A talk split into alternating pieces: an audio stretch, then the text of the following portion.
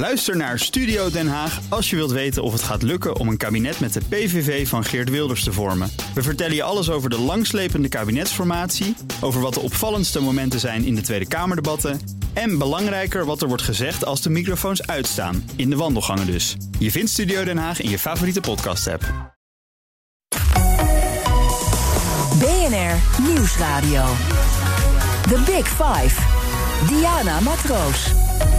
Welkom bij BNR's Big Five van de corona-aanpak. Ja, je hoort het goed. Weer corona. Het is veel, al die verhalen. Maar toch doen we dit omdat dit het moment is voor bezinning. Te leren, terug te blikken, vooruit te kijken. Veel maatregelen worden nu versoepeld. En ziekenhuisopnames zijn enorm teruggelopen. Dus dat is juist het goede moment om terug te blikken. Wat ging goed, wat totaal niet? Wat moeten we absoluut niet meer doen?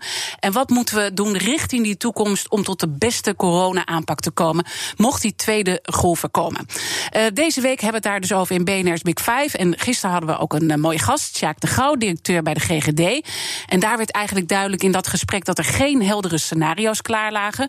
En dat daardoor eigenlijk elke keer achter de feiten werd aangerend. Luister vooral zijn verhaal terug in de BNR-app. En vandaag ook weer een hele mooie gast. Die durfde te kiezen voor andere scenario's tegen de stroom in. En dat ging zelfs zo ver dat hij als een dwarsligger werd gezien. Meneer minister Hugo de Jonge noemde hem asociaal. Hij is arts-microbioloog van het Universitair Medisch Centrum Groningen, Alex Friedrich. Welkom, asociaal, uit het mond uh, van de minister. Dan heb je het wel bond gemaakt. Nou, blijkbaar heb je dan iets gemaakt wat goed was voor de patiënt, uh, maar wat de minister niet uh, leuk vond. Ik zou een minister nooit asociaal willen noemen. En ik denk dat hij dat ook niet zo bedoelde. Hij is er ook later op teruggekomen, maar toch, toen, die, toen hij dit zei, maakte dat indruk op je?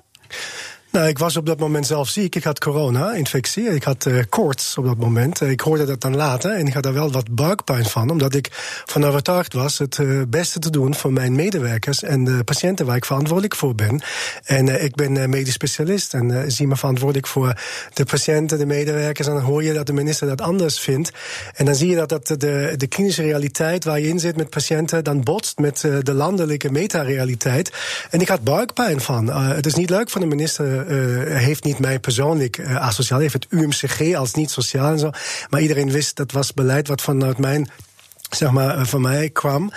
Um, en ik was blij toen het dan werd teruggetrokken door de minister en uiteindelijk het toch die kant op ging. En um, de discussie werd, uh, wordt natuurlijk ook geamplificeerd. En uh, blijkbaar heb ik iets gezegd wat heel veel mensen dachten. Anders was het nooit zo ontploft. Ik heb heel veel dingen gezegd, die werden niet zo zichtbaar. Maar het, uh, het feit dat op het juiste moment toch wij blind vlogen, omdat we niet aan het testen waren, omdat we niet wisten waar verspreidt zich het virus onder de radar door niet te testen. En als je niet test, dan kun je het niet zien.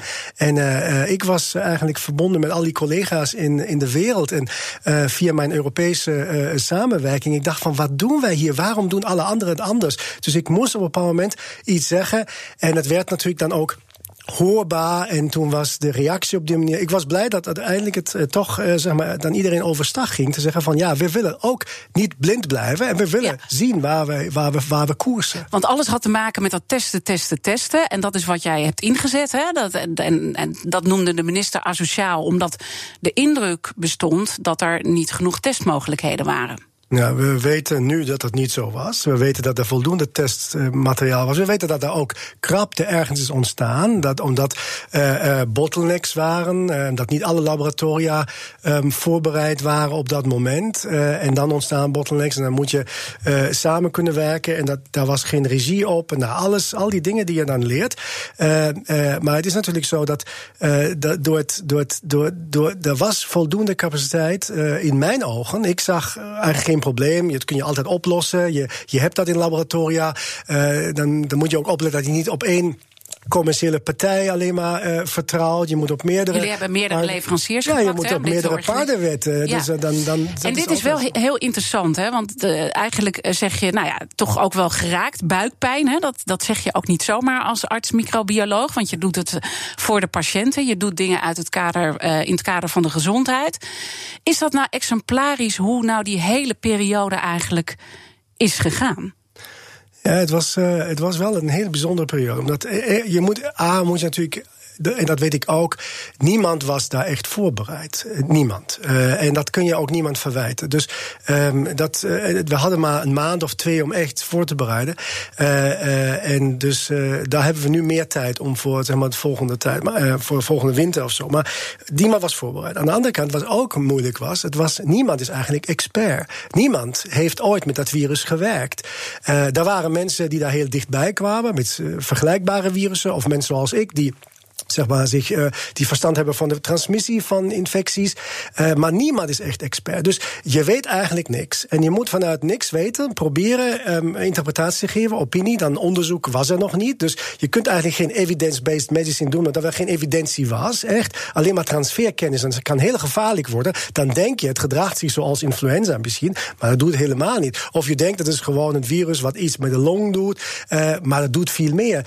En, en voor mij was het heel belangrijk. Ik, ik vroeg ik hoorde ik eigenlijk vanuit collega's uit Italië, vooral dan uh, in februari, uh, eind januari al, uit Griekenland, uh, uit Duitsland, zat ik in die teleconferenties en ik hoorde van hun de verhalen wat daar gebeurde over overdracht, ook zonder dat er klachten waren of niet klachten, dat mensen meer last hadden dan alleen maar in de long, doordat het, eh, de bloedwaarden zichtbaar waren, mhm. dat het ergens toch in, overal in het lichaam terecht. Dus voor mij was duidelijk, dat is iets wat we niet kennen. Uh, het moet anders. En we hebben, geen, we hebben geen scenario's daarvoor. En op dat moment ga je toch in alles wat je doet, uh, doe je eigenlijk ja, beter safe than sorry. Ja. En dat wordt een heel ander verhaal. Ja. En, en dit hoorden wij gisteren ook. Hè. Eigenlijk lagen de scenario's er niet. We hadden gisteren de directeur, heb ik ook een uur lang meegesproken bij de GGD. En toch verbaast me dat dat die scenario's er niet. Hè? Want corona is niet een totaal nieuw virus. Hè? Het is de, de opvolger van SARS. Hè? Het, het SARS-2 wat tot COVID-19 uh, leidt. Uh, ook uh, gaf hij aan van we hebben na de oorlog wel zeker ook grote uitbraken gehad. Hoe kan het nou dat die scenario's er niet lagen? Ik denk dat het op heel, op, eh, in heel Europa, dat in heel Europa geen scenario's werden um, uh, opgebouwd uh, die zeg maar specifiek het indammen van een virus zeg maar als focus hadden naar aanleiding van de SARS-1 in 2003 en ook de MERS-uitbraak. Um, zodat eigenlijk Europa zich heeft voorbereid op een scenario van influenza-pandemie en zich niet heeft voorbereid op een uitbraak van een corona-uitbraak met het doel om het um, te beperken, echt in te dammen. Wat in Azië is gebeurd. Dus heel Europa, is niet alleen Nederland, je ziet in alle landen, heel Europa heeft zich eigenlijk niet voorbereid op uh, zo'n pandemie. En, uh, en dan trek je uit een bepaald moment uit de kast, waarschijnlijk, dat is mijn persoonlijke mening, ik weet dat niet, maar ik kan me voorstellen, er zijn gewoon scenario's zijn ook geoefend en dan hebben ze gewoon dat influenza-scenario uit de kast getrokken en dat dan in plaats van influenza corona geschreven. en, en iedereen dacht dan dat is de manier hoe dat tegenaan. Maar blijkbaar. Oké, okay, want wat dit is denk ik ook goed voor de luisteraar om te begrijpen. Je hebt natuurlijk virologen die alles weten over virussen. En uh, jij bent zelf arts microbioloog. En heel erg gespecialiseerd in de verspreiding. Zit nou het grote vers uh, verschil vooral uh, in hoe het zich verspreidt of in het virus zelf? En, en het zit daarin hoe het zich verspreidt. Eh, de manier dat het ook al kan verspreiden voordat mensen ziek worden. En dat dat toch een, um, een belangrijke rol lijkt te spelen. Dat, de, welke superspreaders een rol spelen. Uh, blijkbaar heb je heel weinig um, virus nodig om besmet te raken. Omdat het vooral ook een neus en keel al kan repliceren. Anders dan SARS-1, waar het toch in de long moest komen om daarna um, overdragen te kunnen worden. En hier is het voldoende dat het in de keel komt of in de neus en al zich vermenigvuldigt en dan alweer kan overdragen. Bij SARS-1 gingen we ervan uit dat 40 tot 200 virussen voldoende zijn om te kunnen verspreiden. Als we nu zien dat in de beginfase van de ziekte... dat daar echt enorme aantallen van concentraties... miljoenen, miljarden van virussen kunnen zijn... dan kun je je voorstellen hoe makkelijk zich dat verspreidt. Dat is alles niet bekend. Uh, dat is ook anders dan bij influenza eigenlijk. Uh, en andere micro-organismen. Uh, hoe het virus het lichaam binnenkomt... hoe het zich in het lichaam gedraagt... Um, wat het kan veroorzaken... Nou, het is eigenlijk alles anders dan we dachten. En we moesten continu bijstellen. En, en het is nog steeds... we gaan zeker nog nieuwe dingen uh, ontdekken. Omdat we weten niet hoe het... We zien nu in de Nertse bedrijven wat er gebeurt. De vraag is waarom is dat zo makkelijk in Nertse? Fretten wisten ja, we wordt Het, wordt het niet eens tijd om gewoon uh, dat soort zaken gewoon te sluiten? Ja, dat, dat zijn we mee bezig. Ik kan me niet voorstellen dat nee, maar, maar we kunnen een heleboel dingen sluiten. Hè. Als we nu kijken naar, de, naar wat, wat de horeca en wat de theaters allemaal nu nog steeds meemaken. Hè, daar kan zomaar hup de knop omgezet worden. Als je nu weet hè, dat dit bij dieren als oorsprong begint en uh, van dieren overspringt uiteindelijk op mensen. Want dat is, dat is hoe dit uh, virus zich gedraagt. En dit zie je ook al nu gebeuren bij die netse uh, bedrijven. Moet je dat niet gewoon per direct sluiten? Maar daar zijn natuurlijk mee bezig. En dan moet ik zeggen, daar moet ja, maar mee de bezig, Maar de horeca kon gewoon in één uur gesloten worden. Ja, maar dan moeten, de, dan moeten echt de, de, de veterinairen iets over roepen. Die kunnen ook verklaren hoe de overdracht. Wat ik vooral wil weten. Um, kijk, als het belangrijk jij is. Bent de expert als het gaat om het verspreiden. Ja, en dat hè? weten we nog niet. En dat weten we echt niet. We weten niet waarom die nertsen alle zo besmet raken. Hoe komt het bij de nertsen? Komt het via de mens of komt het via andere dieren? Komt het via uh, ja, ratten of katten? Of, al, al dat is niet bekend. En dan, je moet daar maatregelen nemen, die moet je ook nemen. En je moet opletten dat je um, uh, niet je op één ding concentreert en zegt van dan heb ik het nu opgelost daardoor. En dan komen we achter dat nog een andere overdracht is. Ja. Ik denk dat we moeten vooral wat is de hoofdoverdracht op dat moment? En dat is in Nederland zijn dat niet de nersen. Daar zie je alleen hoe het zich snel kan verspreiden. En dat is een bron uiteindelijk. Maar ik, de bronnen, oké, dat is één. Maar hoe is de overdracht? En dat weten we heel veel nog niet. En het zijn vooral hoe ontstaat zo'n epidemie. Daar wordt vaak gezegd, daar komt een nieuw, nog een golf. Daar ben je helemaal niet van overtuigd. Omdat zo'n golf komt er nooit. Die ontstaat. En hoe ontstaat die? Die ontstaat tussen de eerste twee mensen. En dan komen kleine uitbraakjes. En die uitbraakjes, als je er niet meteen uit in de kiem smoort, dan gaan die met elkaar elkaar conflueren. En dan langzaam stijgt het water. En dan ontstaat een golf. Maar als je een golf ziet, dan kom je al weken te laat. Dus, en dat is eigenlijk gebeurd. Dus er hoeft geen golf te komen? Nee, regionaal. Dit hebben we ook gezien dat, bij andere dat, pandemieën. Dat is waar je voor pleit, hè? Absoluut. En dat is ook in, in, in Groningen Over, is nooit een golf gekomen. Overigens, volgens mij ben je voor het eerst toch weer de regio uit na al die maanden. Klopt dat? Dat is klopt. Ik ben voor het eerst weer in het Westen. Ja, um, hoe voelt en, het? Uh, dat voelt lekker. Leuk. Ja. wat goed. Hier weer in Amsterdam te mogen zijn. En, maar niet ook een beetje spannend? Want je, je bent daar heel strak in geweest. En dat, ja, maar dat... tot het moment dat ik wist dat er een risico is. Er was echt, op dat moment was het 20 keer, 30 keer hoger risico in het Westen te zijn dan in het noorden. Ja, dan, en dan werk ik ook nog in een UMCG waar 13.000 medewerkers en duizenden van patiënten. Dan, is het, dan ga je niet naar een regio waarvan je weet dat je 20 keer hoger risico hebt. Um, en dat zou iedereen uh, beamen. Je, en dan zijn er weer andere regio's geweest die, die minder kans hadden. Dus je, je moet even kijken van hoe ontstaat zo'n epidemie. En die is nooit in het hele land. Nederland is veel te groot. Ik hoor altijd mensen zeggen van ja, Nederland, klein land. Dat is helemaal niet zo. Epidemiologisch is alleen maar relevant hoeveel mensen per vierkante uh, kilometer. We zijn een groot land. The Big Five. Diana Matroos. Ja, deze week spreek ik vijf kopstukken uit de wereld van de corona-aanpak. Uh, morgen hebben we bijvoorbeeld Marion Koopmans, uh, viroloog. Gisteren uh, de baas van de GGD. En vandaag mijn gast, arts-microbioloog Alex Friedrich van het UMCG. je pleit heel erg, hè? Je stond bekend als die dwarse denker. En ik merk dat je dat nog steeds bent. En dat is heel fijn, want daardoor krijgen we ook andere perspectieven. ik zit nu nog eventjes terug te denken aan wat je allemaal zegt. Hè? Ik bedoel, er was eigenlijk geen wetenschappelijk bewijs voor nou ja, alle, alle dingen die gebeurden. Iedereen liep achter de feiten aan. Er waren geen uh, heldere uh, scenario's. Nou, je pleit voor die regionale aanpak. Daar gaan we zo ook eventjes kijken richting de toekomst. Maar zou het nou ook gewoon kunnen zijn dat we ergens een spoor zijn opgegaan met z'n allen? Want je merkt dat er nu veel meer protest is, hè? ook over al die maatregelen. Men begrijpt het niet meer. Er zit ook een, een bepaalde dubbelheid in, in de maatregelen dat we ergens toch een verkeerde afslag hebben genomen, omdat we nog zo weinig wisten. Ja, dat is zo. Je, je moet continu bijstellen. Um, um, ik moet even zeggen, ben ik echt het dwarsdenken? Ik ben gewoon iemand die vrij denkt. Uh, zoals anderen ja. ook. Een onderzoeker Heerlijk. die zegt wat hij denkt... en die ja. dan kijkt naar wat weet ik echt... en dan heb ik een bepaalde uh, mening die ik vorm op basis van kennis... of op eigen data. En dan ga ik die, uh, die, die, die uit ik dan... en dan hoop ik dat mensen mij tegenspreken... en dan zien wij waar we uitkomen... en dan ja. hebben we stand van kennis. Oké, okay. hoe ging dat in het OMT? Want uiteindelijk werd je bij dat OMT erbij gevraagd. Hè? Eerst nou ja, noemde de minister je asociaal. Later heeft hij die woorden weer uh, ingeslikt en daarop teruggekomen. En je werd gevraagd om bij het OMT te gaan. Ja, dat, uh, nou, daar was ik heel blij mee. Wat een eer dat je daaraan meedoet. Dan kun je ook uh, bijdragen aan de discussie, de interne discussie. Um, uh, in het beginfase was niemand uit het noorden of het oosten in het OMT vertegenwoordigd. dat was goed, maar het land is toch groter dan alleen maar het westen. dat is en toch eigenlijk gewoon belachelijk? Ja, soms gebeurt dat. we zijn ver weg. dat voelt altijd ver weg, Groningen. En dan word je niet bij alles bij betrokken. Maar dat werd dan wel gedaan, omdat mensen merkten van... oké, okay, dat is een andere realiteit in het noorden. Ze hebben een hele andere situatie. Daar zijn überhaupt niet zoveel mm -hmm. infecties. Dus we moeten ook luisteren maar wat, wat daar gebeurt. Voelde je een buitenbeentje? Uh, nee, nee, nee, niet. Ik, ik, ken natuurlijk alle collega's en we, we, hebben natuurlijk contacten. Maar daar zat je dan in een, in een, in een kamer. Nou ja, en er waren wel meerdere mensen die, die, die vonden dat je een beetje dwars lag natuurlijk. Ik bedoel, jij ziet het anders als vrije denker. Maar ik kan me voorstellen dat je, dat je toch even zo werd aangekeken. Oh, daar heb je hem.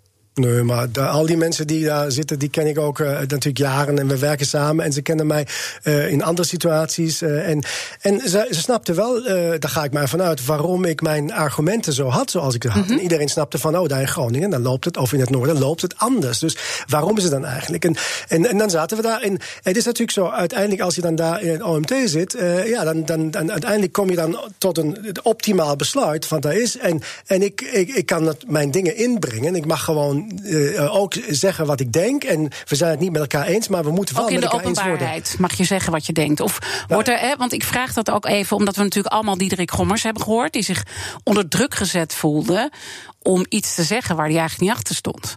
Dat is nogal wat.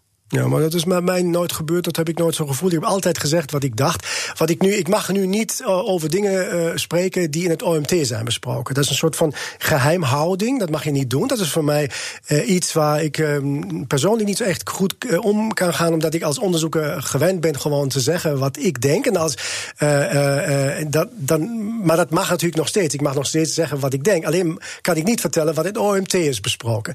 Dat snap ik ook. Dat accepteer ik. Dat heeft te maken met bepaalde bepaalde um, veiligheidspunten. Iedereen nou ja, er is ook wat kritiek op. Hè. Er is een brandbrief ook gekomen van de medisch specialisten. Dat zijn natuurlijk ook jouw collega's.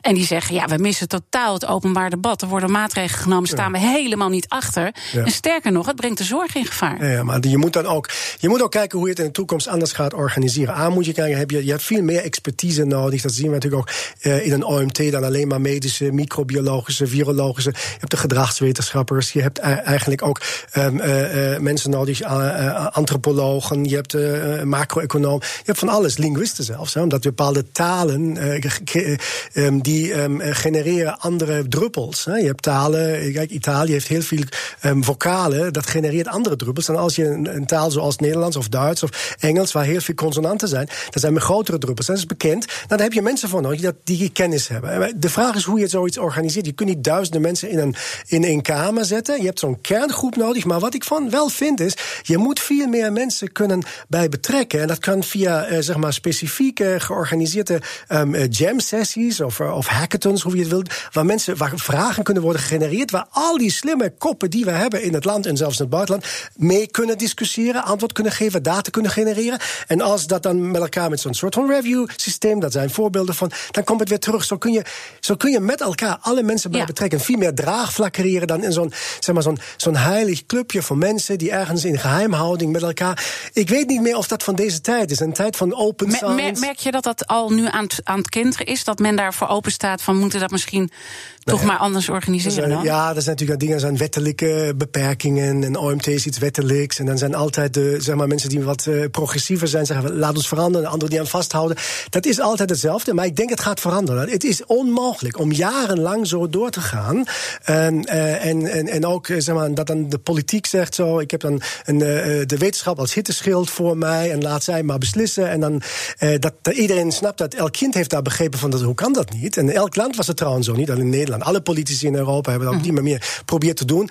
En dat komt naar boven en dan wordt zichtbaar wat kan eigenlijk de wetenschap, wat kan ze bieden en wat kan ze niet. En wat ze niet kan bieden in zo'n situatie, uh, kant-en-klare uh, oplossingen van ja. zo is het. Oké, okay, en, en nou is het heel makkelijk voor mij om vanuit de zijlijn te zeggen, nou dat, dat, dat is natuurlijk heftig geweest. Al die gesprekken in het OMT. En dus, met, met eigenlijk niet wetenschappelijke kennis moesten er besluiten worden genomen. En dan krijg je natuurlijk allemaal inzichten. En dan gaat iedereen discussiëren. En uiteindelijk komt erbij dat uh. En die moet dan in een week beslissen wat we gaan doen. En dat gaat het kabinet dan uiteindelijk uit. He, uh, ook, ook communiceren. En dan beklijft toch bij mij het gevoel van: zijn we niet en dat is niet alleen mijn gevoel, hè, want dat zie je ook in de samenleving. Zijn we niet ook in paniek geraakt? Omdat we zo weinig wisten. En het ging uiteindelijk eh, bepaalde kanten op. Dat we dingen zijn gaan doen die eigenlijk niet hadden gehoeven. Te veel? Uh, of, uh, of, of, of wat bedoel te je? Te veel, te, strak, te strakke maatregelen of de verkeerde maatregelen. Ik bedoel, of te weinig. Of te weinig. Soms, hè, en te ja? weinig. ja. Nou, weet je, dat is. Ik denk dat je dat voor, voor op bepaalde hoogte moet je ook accepteren van dat kan niet perfect. Uh, en, daar zijn, daar zijn fouten gemaakt. En dan moet je vooral accepteren dat het is gemaakt. En dan is het vooral goed dat mensen gaan zeggen, ook die verantwoordelijkheid dragen van nou, we hebben het niet goed gedaan en we hebben ons best gedaan en dat was niet optimaal. Maar we hebben van geleerd. En iedereen snapt dat in een beginfase waar je maar één maand tijd hebt, hoe kun je iets doen wat je jarenlang eigenlijk niet hebt gezien, plotseling ontstaat dat, daar kun je niet voorbereid zijn. Maar nu komt de volgende fase. En nu kun je wel voorbereid zijn. En dan moet je uiteindelijk zeggen: oké, wat hebben we geleerd? Mm -hmm. Wat gaan we nu beter doen? Daarom pleit ik ook voor echt een onafhankelijke um, uh, commissie. Uh, het, best, het, beste is eigenlijk mensen uit het buitenland uh, die echt onafhankelijk zijn, die daarna gaan kijken, zoals het ook Zweden gaat doen nu, of andere, de WHO zelfs. Om te kijken van wat is goed gegaan, wat is niet goed gegaan. En dan kunnen we de goede dingen verder doorontwikkelen. Wat niet goed gegaan maar, is. Maar dit leren. is een wereldwijd probleem. Dus wie is er überhaupt nog onafhankelijk dan in dit hele verhaal? Nee, maar voor Nederland. kijk, ja. het is een wereldwijd probleem aan zich, maar dat snapt iedereen. Iedereen heeft daarmee te maken. Maar als je mensen die niet, zeg maar, uit het eigen land zijn. Zoals het Frankrijk doet. Die vragen experts uit Zwitserland. Dan kun je ook zeggen, die zijn weer verweven. Maar toch, die zijn ja. niet afhankelijk okay, van... Oké, maar jij bent een vrije denker. Hè, ja. Heb je zelf gezegd. Uh, dus oké, okay, die buitenlanders moeten op een gegeven moment misschien komen... om in zo'n onafhankelijke commissie dat te gaan vaststellen. Maar wat zie jij nu al wat we niet goed hebben gedaan? Nou, wat wij volgens mij um, een van de meest cruciale punten waar ik me um, over heb verbaasd is waarom wij ons zorgsysteem, ons zorgstelsel wat we hebben met alle huisartsen, de eerste lijn, de tweede lijn, de derde lijn, um, waarom en alle laboratoria die in het land zijn, waarom wij die eigenlijk vanaf het begin niet hebben laten hun werk doen. Uh, het, werd, het hele zorgstelsel werd beperkt tot een, bepaald aantal van mensen, een paar laboratoria. De huisartsen mochten iets niet doen, het moesten de GGD'en doen. De GGD'en hebben sowieso uh, op dat moment uh, niet voldoende infrastructuur gehad uh, um, om dat aan te kunnen. Dus, maar een gedeelte van het zorgstelsel was in de staat om te reageren. In plaats van het gewoon lekker zijn gang te laten gaan. Een soort van carte blanche uit te spreken van doen jullie maar het werk. Het is COVID is een pandemie, maar het is een infectieziekte. Zijn wij in Nederland bang voor een infectieziekte? Nooit, never. We zijn gewoon, we zijn, we worden, er wordt jaloers naar Nederland gekeken hoe, hoe, wij, hoe wij met infectieziekten omgaan. We zijn het voorbeeld, de beste in de klas als het over antibioticaresistentie gaat, als het over tuberculose gaat. Iedereen kijkt jaloers. veel ervaring uh, mee ook met ja, die. Iedereen kijkt jaloers naar Nederland, hoe wij het organiseren met de artsen, Maar microbiologen. wat is dan die angst?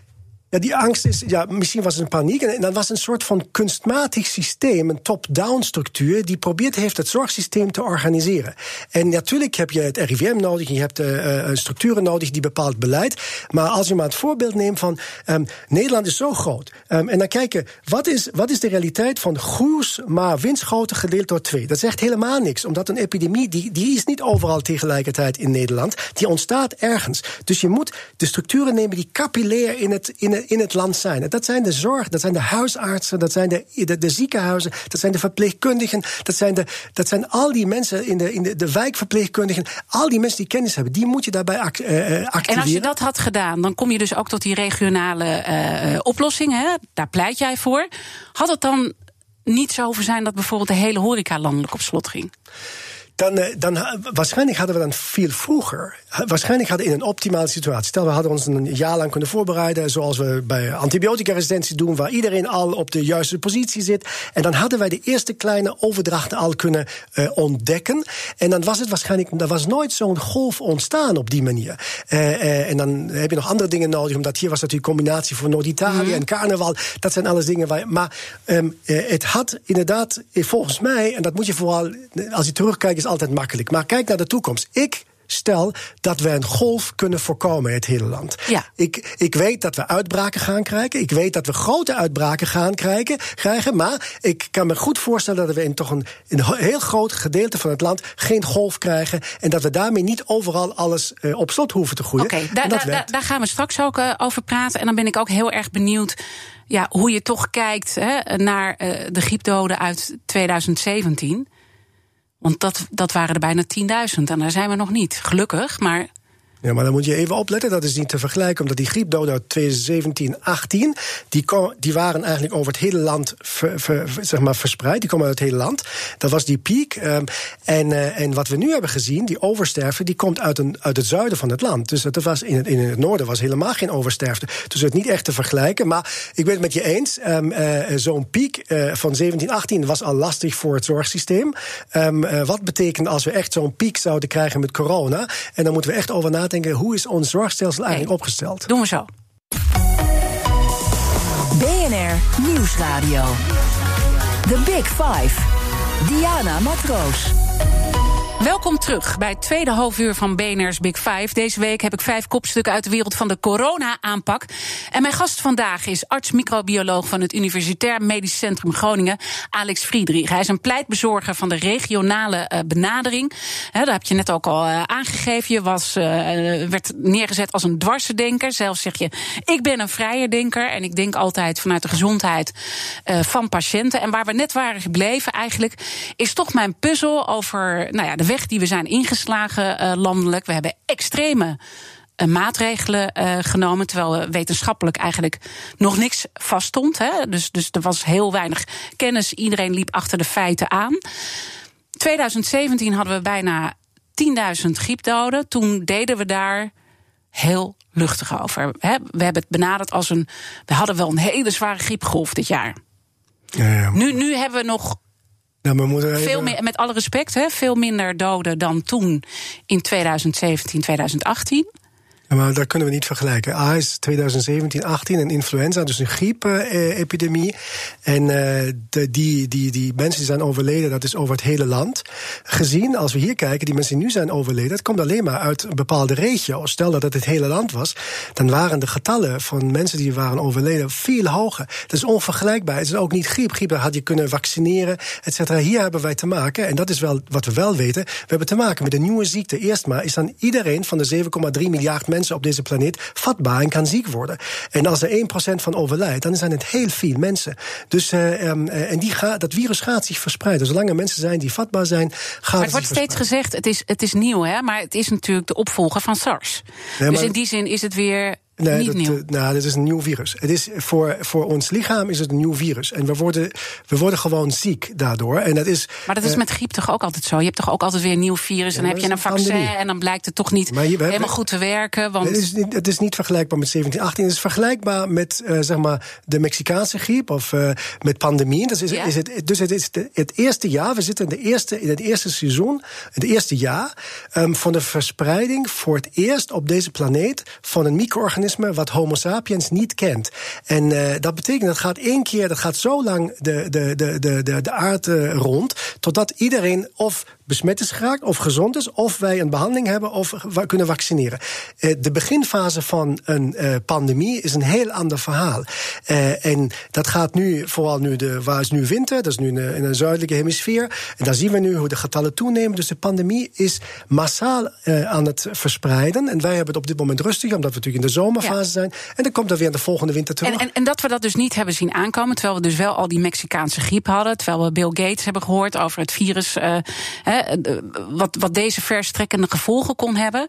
Wat zegt dat dan over ons allemaal dat we daar, bedoel, namen totaal niet serieus en waren de signalen allemaal aanwezig?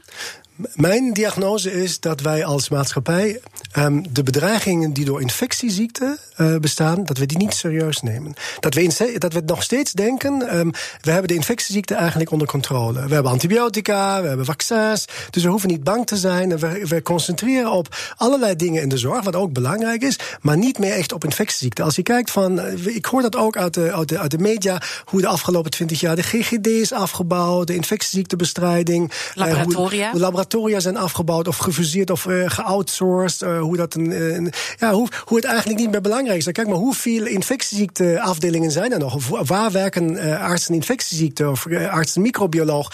Uh, daar is Nederland nog een van de landen waar heel veel zijn. Ja. De meeste andere landen hebben het opgeheven. En, en, en gewoon, we hebben ze niet meer nodig. We, hebben niet, we kunnen nog behandelen. en dat is zeg maar, dat, dat lijkt natuurlijk nu echt een nadeel te zijn dat we de afgelopen 20, 30 jaar alle infrastructuur en alle kennis voor infectieziekten, infectieziektebestrijding in de curatieve publieke zorg hebben afgebouwd. En dan heeft zo'n pandemie natuurlijk makkelijker spelen. Daar moeten we weer eigenlijk van leren. Ik zit nu nog eventjes uh, verspreiding, hè, want dat is jouw expertise als arts-microbioloog. Van hoe, hoe verspreidt het uh, virus zich? Daar zijn allemaal uh, verschillende inzichten. En persoonlijk word ik er helemaal gek van. Van de een heeft het over aerosolen en dan moet je uh, goed ventileren. En de ander zegt weer van uh, doordat het warm is, wordt het virus verspreidt zich minder makkelijk. Terwijl als je naar het zuiden van de Verenigde Staten kijkt, daar is het toch behoorlijk warm. En daar, daar, daar gaat de verspreiding nu razendsnel. Wat moet er nou gebeuren om het te krijgen? Nou, je moet de discussie ook opletten niet gelijk te willen hebben. Um, en je moet een wetenschappelijke discussie voeren op een moment waar nog heel weinig bekend is. En dat betekent het gaat veranderen. De kennis we gaan nog kennis verwerven. Maar één is ook belangrijk. De discussie die wordt vaak gevoerd op een heel groot metaniveau. In, uh, in, in Amerika daar is het warm. Maar daar gaat niet om. Die, die verspreiding gebeurt tussen mensen. En als je ook als het buiten warm is, je zit ergens binnen in een, in een club, in een discotheek of ergens. En er zijn heel veel mensen bij elkaar, zoals in Israël het was. Ja, omdat daar, daar, daar is het niet warm in zo'n gebouw. Dus de verspreiding gebeurt niet ergens in een land. Het gebeurt tussen mensen. En de vraag is, hoe gedragen zich mensen? Dus we hoeven niet zozeer naar het temperatuur heeft, eh, is allemaal niet zo heeft relevant. Op, toch, de temperatuur heeft op metaniveau, op, op, op totaalniveau, uh, een invloed. En we weten, maar die temperatuur, dus verschil tussen winter en zomer bij influenza bijvoorbeeld, maakt een verschil van 20% overdrachtsactiviteit. Dus is 20% minder. Dus als je heel laag zat, zoals in Noord-Nederland, dan is dat in de zomer helemaal bijna weg. Maar als je hoger lag, zoals in het zuiden van het land, dan heb je nog steeds verspreiding. Als je heel hoog lag, zoals in Amerika, dan gaat het gewoon door. En dat is het. Hangt ervan af. Dus als je 100 keer meer dan normaal hebt, dan is 20% minder, helpt je ook niet. En dat verklaart waarom de, win, de winter of de zomer geen groot verschil maakt als je, heel, als je toelaat dat in april massale verspreiding is. En dat is in Amerika gebeurd. En wij hebben in Nederland toch met alle maatregelen ervoor gezorgd dat het lager is gegaan. En helpt ons ook nog de zomer. Maar helaas, de zomer, na de zomer komt weer een herfst en een winter. En dan gaat het weer toenemen. En dan moeten we ervoor zorgen, omdat dan gaan mensen een ander gedrag tonen. Ze gaan weer, de, zijn minder um, uh, zeg maar daglicht. Mensen gaan ook, het is kouder. Mensen gaan sneller ergens naar, naar, de, naar de binnenlucht toe. Um, het is ook kouder voor de huid. We gaan ervan uit het immuunsysteem dan ook anders in neus en keel mm -hmm. werkzaam is. Heel okay. veel dingen nog En als onbekend. we dan even kijken van. Uh, um wat we wel en niet uh, moeten doen. Het gaat, het gaat dus over het gedrag van mensen. Dat, dat is het belangrijkste. Ja. En pleit je dan toch voor die anderhalve meter samenleving? Want er is steeds meer protest tegen die anderhalve meter samenleving. Mensen gaan het steeds meer loslaten. Die denken: wat een onzin. Het is veel belangrijker dat ik ventileer dan ja, dat ik die afstand hou? En waarschijnlijk is het alles waar. Het is waar dat je afstand houdt waar je kunt afstand houden. Waar je het niet kunt houden, dan is het in ieder geval sowieso is het goed om goed te ventileren. Dat beweeg je de lucht of buiten te zijn. En waarschijnlijk gaan we ook nog maskers uh, vaker dragen dan we het nu doen. Uh, zoals alle andere landen om ons heen ook maskers meer invoeren, community maskers. En er is ook geen schaarste meer aan maskers, ook niet meer aan medische maskers. Je kunt ze overal kopen in de wereld. Uh, dus ook wij in Nederland hebben voldoende maskers. Dus er komt een moment waar we waarschijnlijk ook gaan zeggen op collectief niveau: we moeten nog vaker maskers dragen dan nu. Uh, dat moet dan in het OMT worden besloten. Daar moet nog meer kennis over wanneer is het nodig, wanneer niet. Maar ik denk dat wij vooral moeten opletten. Er is niet één silver bullet. Waar, als je dat doet, dan gaat niks gebeuren. En er zijn, A is het gedrag, dus er zijn ook er zijn superspreading events. Die zijn wel belangrijk. Dus als heel veel mensen ergens bij elkaar komen en er is maar één iemand die overdraagt, dan kan dat een, zo'n probleem worden. Maar dat is niet het enige. Er zijn ook biologische dingen die we nog niet kennen.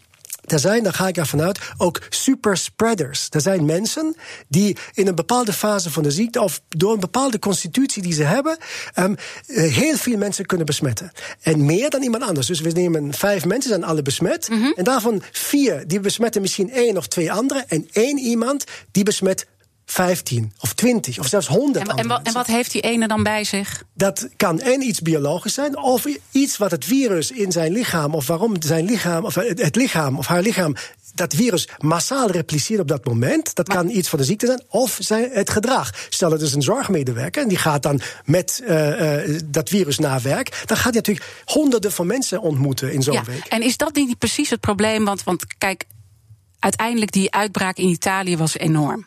En ik weet dat jij uh, echt het ziekenhuis hebt willen isoleren, hè? Want dat is ook die regionale benadering. Moet je niet gewoon een heel apart coronaziekenhuis hebben met aparte coronaverpleegkundigen, waardoor je alles echt uit elkaar trekt. En in Italië lagen al die patiënten door elkaar, wel of geen corona. En dan heb je de plek gecreëerd waar het verspreidt. Nee, als je dat, dat is geen goed idee, omdat als je een coronaziekenhuis doet, je hebt eh, corona-patiënten eh, die hebben alle zorg nodig. Uh, dan, heb je, dan moet je alle zorg ergens weer bij. Dan heb je weer een nieuw ziekenhuis wat je bouwt. Mhm. je hebt nee, andersom. Je moet in alle ziekenhuizen coronapatiënten op een veilige manier kunnen behandelen. Die dan ook de zorg krijgen. Zijn patiënten die hebben de zorg nodig die in zo'n ziekenhuis zijn. Die hebben nu een intensive care nodig. Die hebben dan een nefroloog nodig. Die hebben dan een intensivist uh, of een infectieziektearts nodig. Maar dan breng je ze dus wel al die kwetsbare mensen bij elkaar. En dan die komen er sowieso. Dus die komen eigenlijk omdat ze een gebroken knie hebben, maar ze hebben ook corona. Ze komen omdat ze een hartfalen hebben, maar ze hebben een hartfalen veroorzaakt door corona. En ze komen omdat ze alleen maar corona hebben. Dus het is gewoon, het is niet corona. Het is een infectieziekte. En we kunnen met infectieziekten omgaan, maar betekent dat we overal in alle ziekenhuizen de expertise van infectieziekten nodig hebben. En daar moet ik zeggen, daar zijn landen die doen het slechter dan wij, maar er zijn ook landen die doen het duidelijk beter dan wij. Infectieziekten overal te hebben. We praten straks uh, verder met Alex Friedrich. Maar natuurlijk eerst even naar uh, Jurgen Rijman. Want straks Ask Me Anything, waar ga je het over hebben? Uh, vandaag gaan we het hebben over ja, de relatie Hongkong, China en ook Amerika. En president Trump heeft gezegd dat hij vanaf nu Hongkong gewoon gaat behandelen... zoals hij de Chinezen ook behandelt. Omdat je de, de, de zogenaamde veiligheidswet die is aangenomen nu... wil zeggen dat ja, je, je, geluid viel een beetje weg. Mijn geluid viel, sorry. Ja, de veiligheid wil dus zeggen dat in principe ja, uh, China nu uh, ja, tot alles toegang heeft wat er in Hongkong gebeurt. Er zijn ook al boeken uit de bibliotheek verdwenen van dissidenten in Hongkong. Uh, wat betekent het voor de verhouding? En wat betekent het vooral voor de verhouding Amerika-China? Want ja, er zit een groot handelsoverschot tussen Hongkong en Amerika natuurlijk. De, je hebt heel wat um, Amerikaanse bedrijven die in Hongkong gevestigd zijn, gericht op de Aziatische financiële markt. Hoe gaat dat zich verder ontwikkelen? Nou, we hebben sinoloog in de uitzending die dit allemaal kan uitleggen. Dus ja, alles wat je weet over de verhouding verhoudingen Amerika, Hongkong, China gaan we vandaag bespreken. Het wordt, uh, ja, het wordt een jobshow van, uh, van verschillen van informatie. En je kan natuurlijk vandaag ook weer je vragen stellen via Twitter, BNR, via Facebook. Je mag me even WhatsApp, het nummer staat op bnr.nl.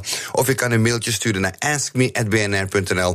Maar zeker ook voor deze kwestie geldt. Ja, als ik, als ik de mensen was, zou ik gewoon jou bellen. Precies, dan moet ik dus gewoon mij bellen, weet je. En, uh, ik, ik, ik, weet het niet, maar ik heb wat mensen die sturen die alles erover weten. en die hebben vast een goed antwoord. 020 468 4 0 En stel je vraag dan live in de uitzending. Super.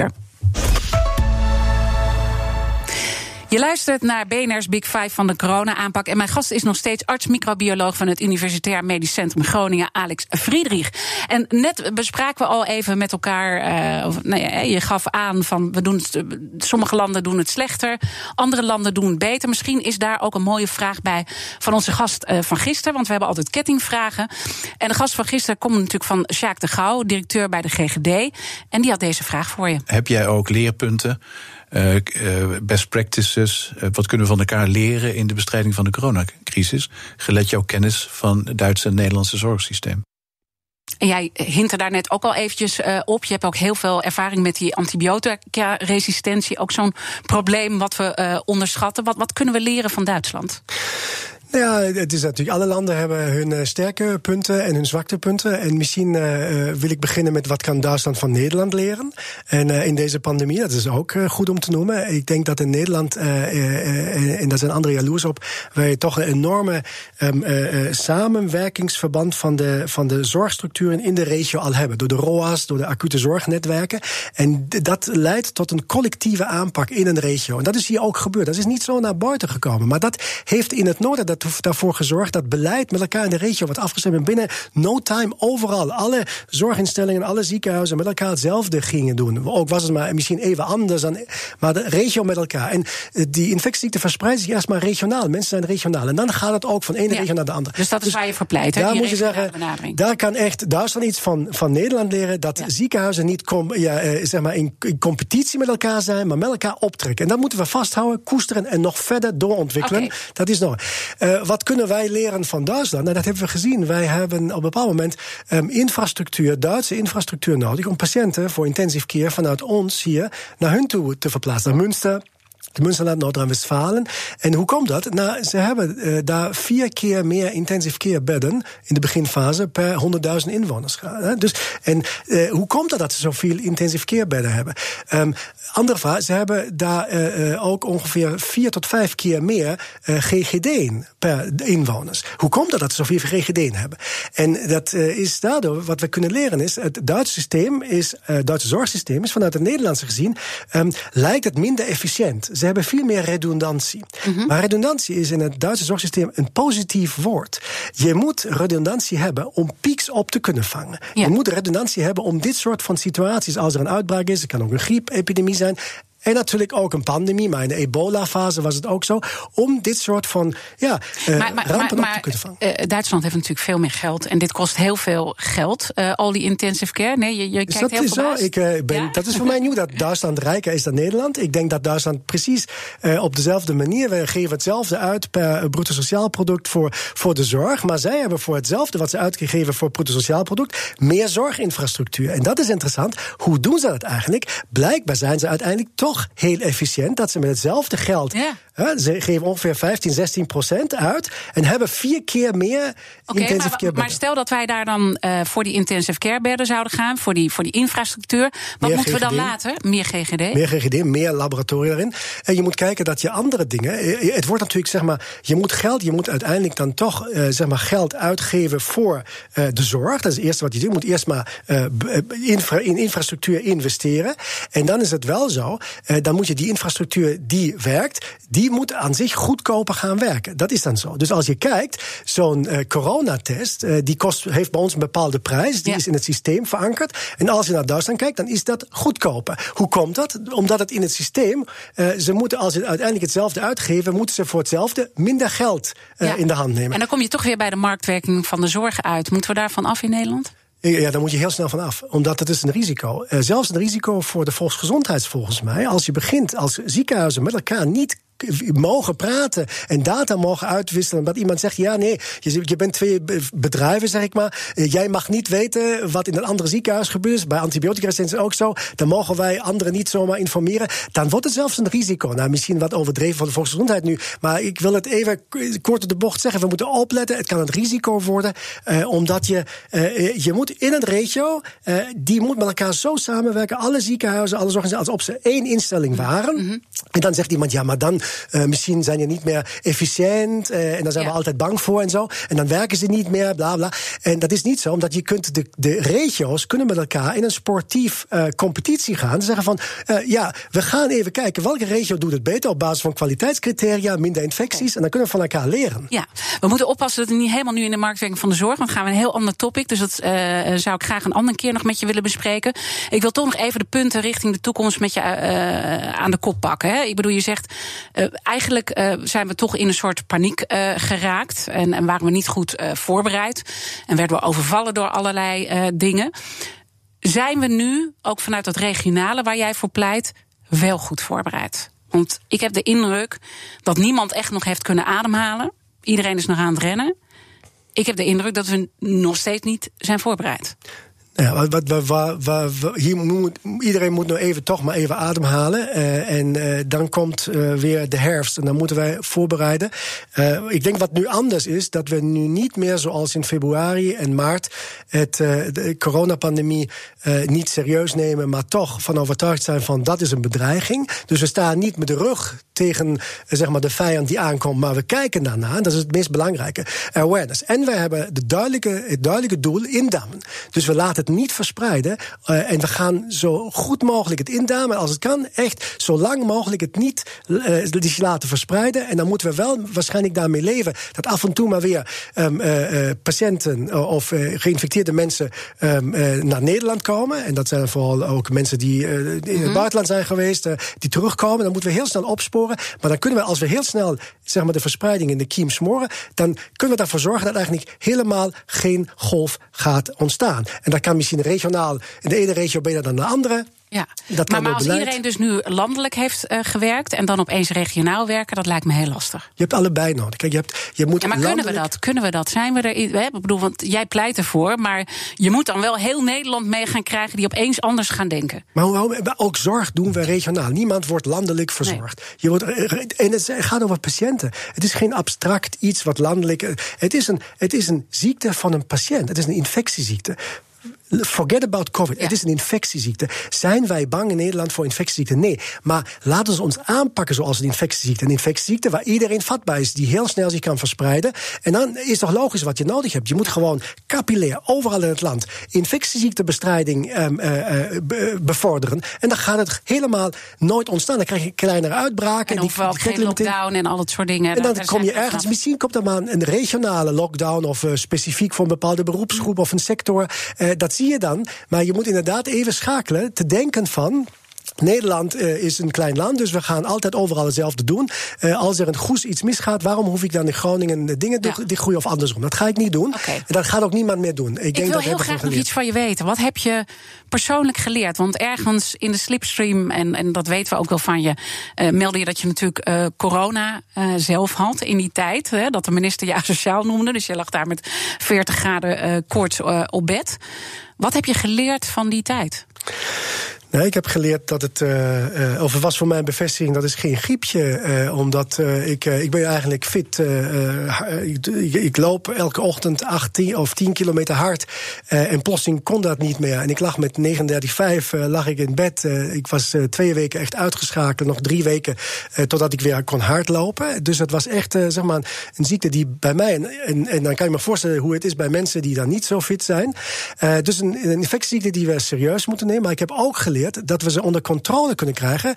Um, en dat, dat wij als we maatregelen nemen, kunnen voorkomen dat ze verspreiden. En elke voorkomen verspreiding, elke overdracht die we hebben voorkomen, is goed. En, dat, en daar zit ook, dat zit ook in de isolatie. En dat heb je zelf ook extreem doorgevoerd thuis. Ja. Uh, 23 jaar al een relatie, begrijp ik. En ja. jullie leefden op een andere verdieping? Ja, ik heb, omdat we hebben gelukkig maar een dag voordat ik echt uh, zei van, nou, ik voel me niet meer lekker, ik laat me testen. Trouwens had ik nog geen symptomen. Dus ik was, ik had echt enorme hoeveelheid hoeveelheden aan virussen eh, eh, kon ik bij mij aantonen. Ik had nog geen symptomen. Die kwamen eh, zeg maar de, de volgende dag pas. Maar ik had al daarvoor tegen mijn vrouw gezegd. Die zei, Simona, kom, dat komt heel dichtbij. Daar komen zoveel mensen terug uit Oostenrijk. In het ziekenhuis, ik raak zeker besmet. jij gaat beneden wonen, ik boven. En ze is nooit besmet geraakt. Um, Hoe lang hebben jullie elkaar niet gezien? we hebben elkaar drie weken niet gezien. En via de videocall, nou, in dit soort van dingen wel. Ja, en, en zij bracht, bracht je dan wat eten of zo? Ja, ze heeft dan, nee, ik heb dan wel gevraagd. Ze heeft mij, ja, ja gelukkig maar uh, heb ik mijn vrouw. Dus uh, anders was ik daar, was het heel moeilijk geweest. Uh, nee, ze heeft dan voor mij gezorgd. Maar ze was natuurlijk ook zelf. wat moet ik doen als het erger wordt? Wie moet ik bellen? Het was voor haar een, een, zeg maar een moeilijke tijd. Dus nou, wat ben ik blij Simona te hebben. Ja. ja, ze heeft het niet gekregen. Dus het heeft ook gewerkt. Ja, dat is zo. Dat is ja, het ja. niet. Maar... We moeten nog één zaak verrichten. En dat is de kettingvraag voor morgen. dat is viroloog Marion Koopmans, lid, net, net als jij van het Outbreak Management Team. Wat is je vraag aan haar? Ja, zij is vastlid van het uh, ja. zelf van het referentielab voor uh, virussen in Rotterdam. Uh, de expert voor het virus. En, um, en ik als arts-microbioloog, ik zou natuurlijk van Marion graag willen weten. Um, Marion, hoe is het eigenlijk? We hebben virussen zoals influenza, de griep. daar hebben we al honderd jaar geleden een, een pandemie gehad. En waarschijnlijk was die al veel ouder. waarom is het eigenlijk met coronavirussen zo dat wij um, ja, nu zo'n pandemie hadden, dat wij een, grote uitbraak met MERS, dat we in 2003 SARS-1 hadden. Maar wat, wat is daarvoor? Wat is de afgelopen 90 jaar, 50 jaar, waren daar geen coronapandemieën of hebben we niet meegekregen? Waarom ontstaan die nu? En waarom is influenza wel al langer? Wat is, wat is het nieuwe daaraan? Waarom nu de afgelopen twintig jaar eigenlijk... dat dan een soort van coronatijd ontstaat? Wat is veranderd? Daar ben ik benieuwd. En dat is, dat is Marion, de, de, enige waar ik me kan voorstellen... dat ze mij antwoord op kunnen geven. Zou mooi zijn uh, wat, wat, Toch interessant, wat denk je zelf? Ja, het moet iets te maken hebben met de verandering wereldwijd, met uh, mobiliteit, maar ook met uh, in contact brengen tussen mens, dier, milieu. Uh, dat vermengt veel meer. En omdat is natuurlijk een, een, overdracht tussen species, van één species van dieren naar mens. Mm Dan moet die in liggen. Maar waarom dan nu? Wat is er nu veranderd? Waarom kan, is het kan het ook zijn, en dan moet ik echt afronden, anders krijg ik ruzie. kan het ook zijn dat we ergens niet meer accepteren dat er gewoon mensen doodgaan aan een virus. Toch even terugkomen. Ik weet dat het iets anders is, 2017, 2018. Maar ja, de dood hoort ook bij het leven. Ja, maar dan wil ik maar. maar dan, dan, dat weten wij natuurlijk. Maar de vraag is: dat is waar. Maar je moet opletten, we hebben te maken met een pandemie. En dat gaat natuurlijk 1% van 7 miljard. Uh, daar zijn we bij 70 miljoen. Dat, is, dat, dat kunnen wij niet accepteren op die manier. Dan moeten we iets alles doen wat we kunnen. Maar ik wil toch, waarom waren er coronapandemie al eerder en hebben we het niet waargenomen? Hoe, hoe was dat? Daar ben ik benieuwd of daar iets bekend is. Oké, mooie vraag en eh, heel erg dank voor je inzichten. Arts, microbioloog Alex Friedrich. En natuurlijk zijn alle afleveringen van BNR's Big Five terug te luisteren in de podcast in de BNR en op bnr.nl. Straks Jurgen Rijman, Ask Me Anything. Ik wens iedereen een mooie dag. Ook Harm Edens vind je in de BNR-app. Je kunt BNR Duurzaam niet alleen live luisteren in de app, maar ook terugluisteren als podcast, zoals al onze podcasts. En naast dat de BNR-app Breaking News meldt, houden we je ook op de hoogte van het laatste zakelijke nieuws. Download nu de gratis BNR-app en blijf scherp.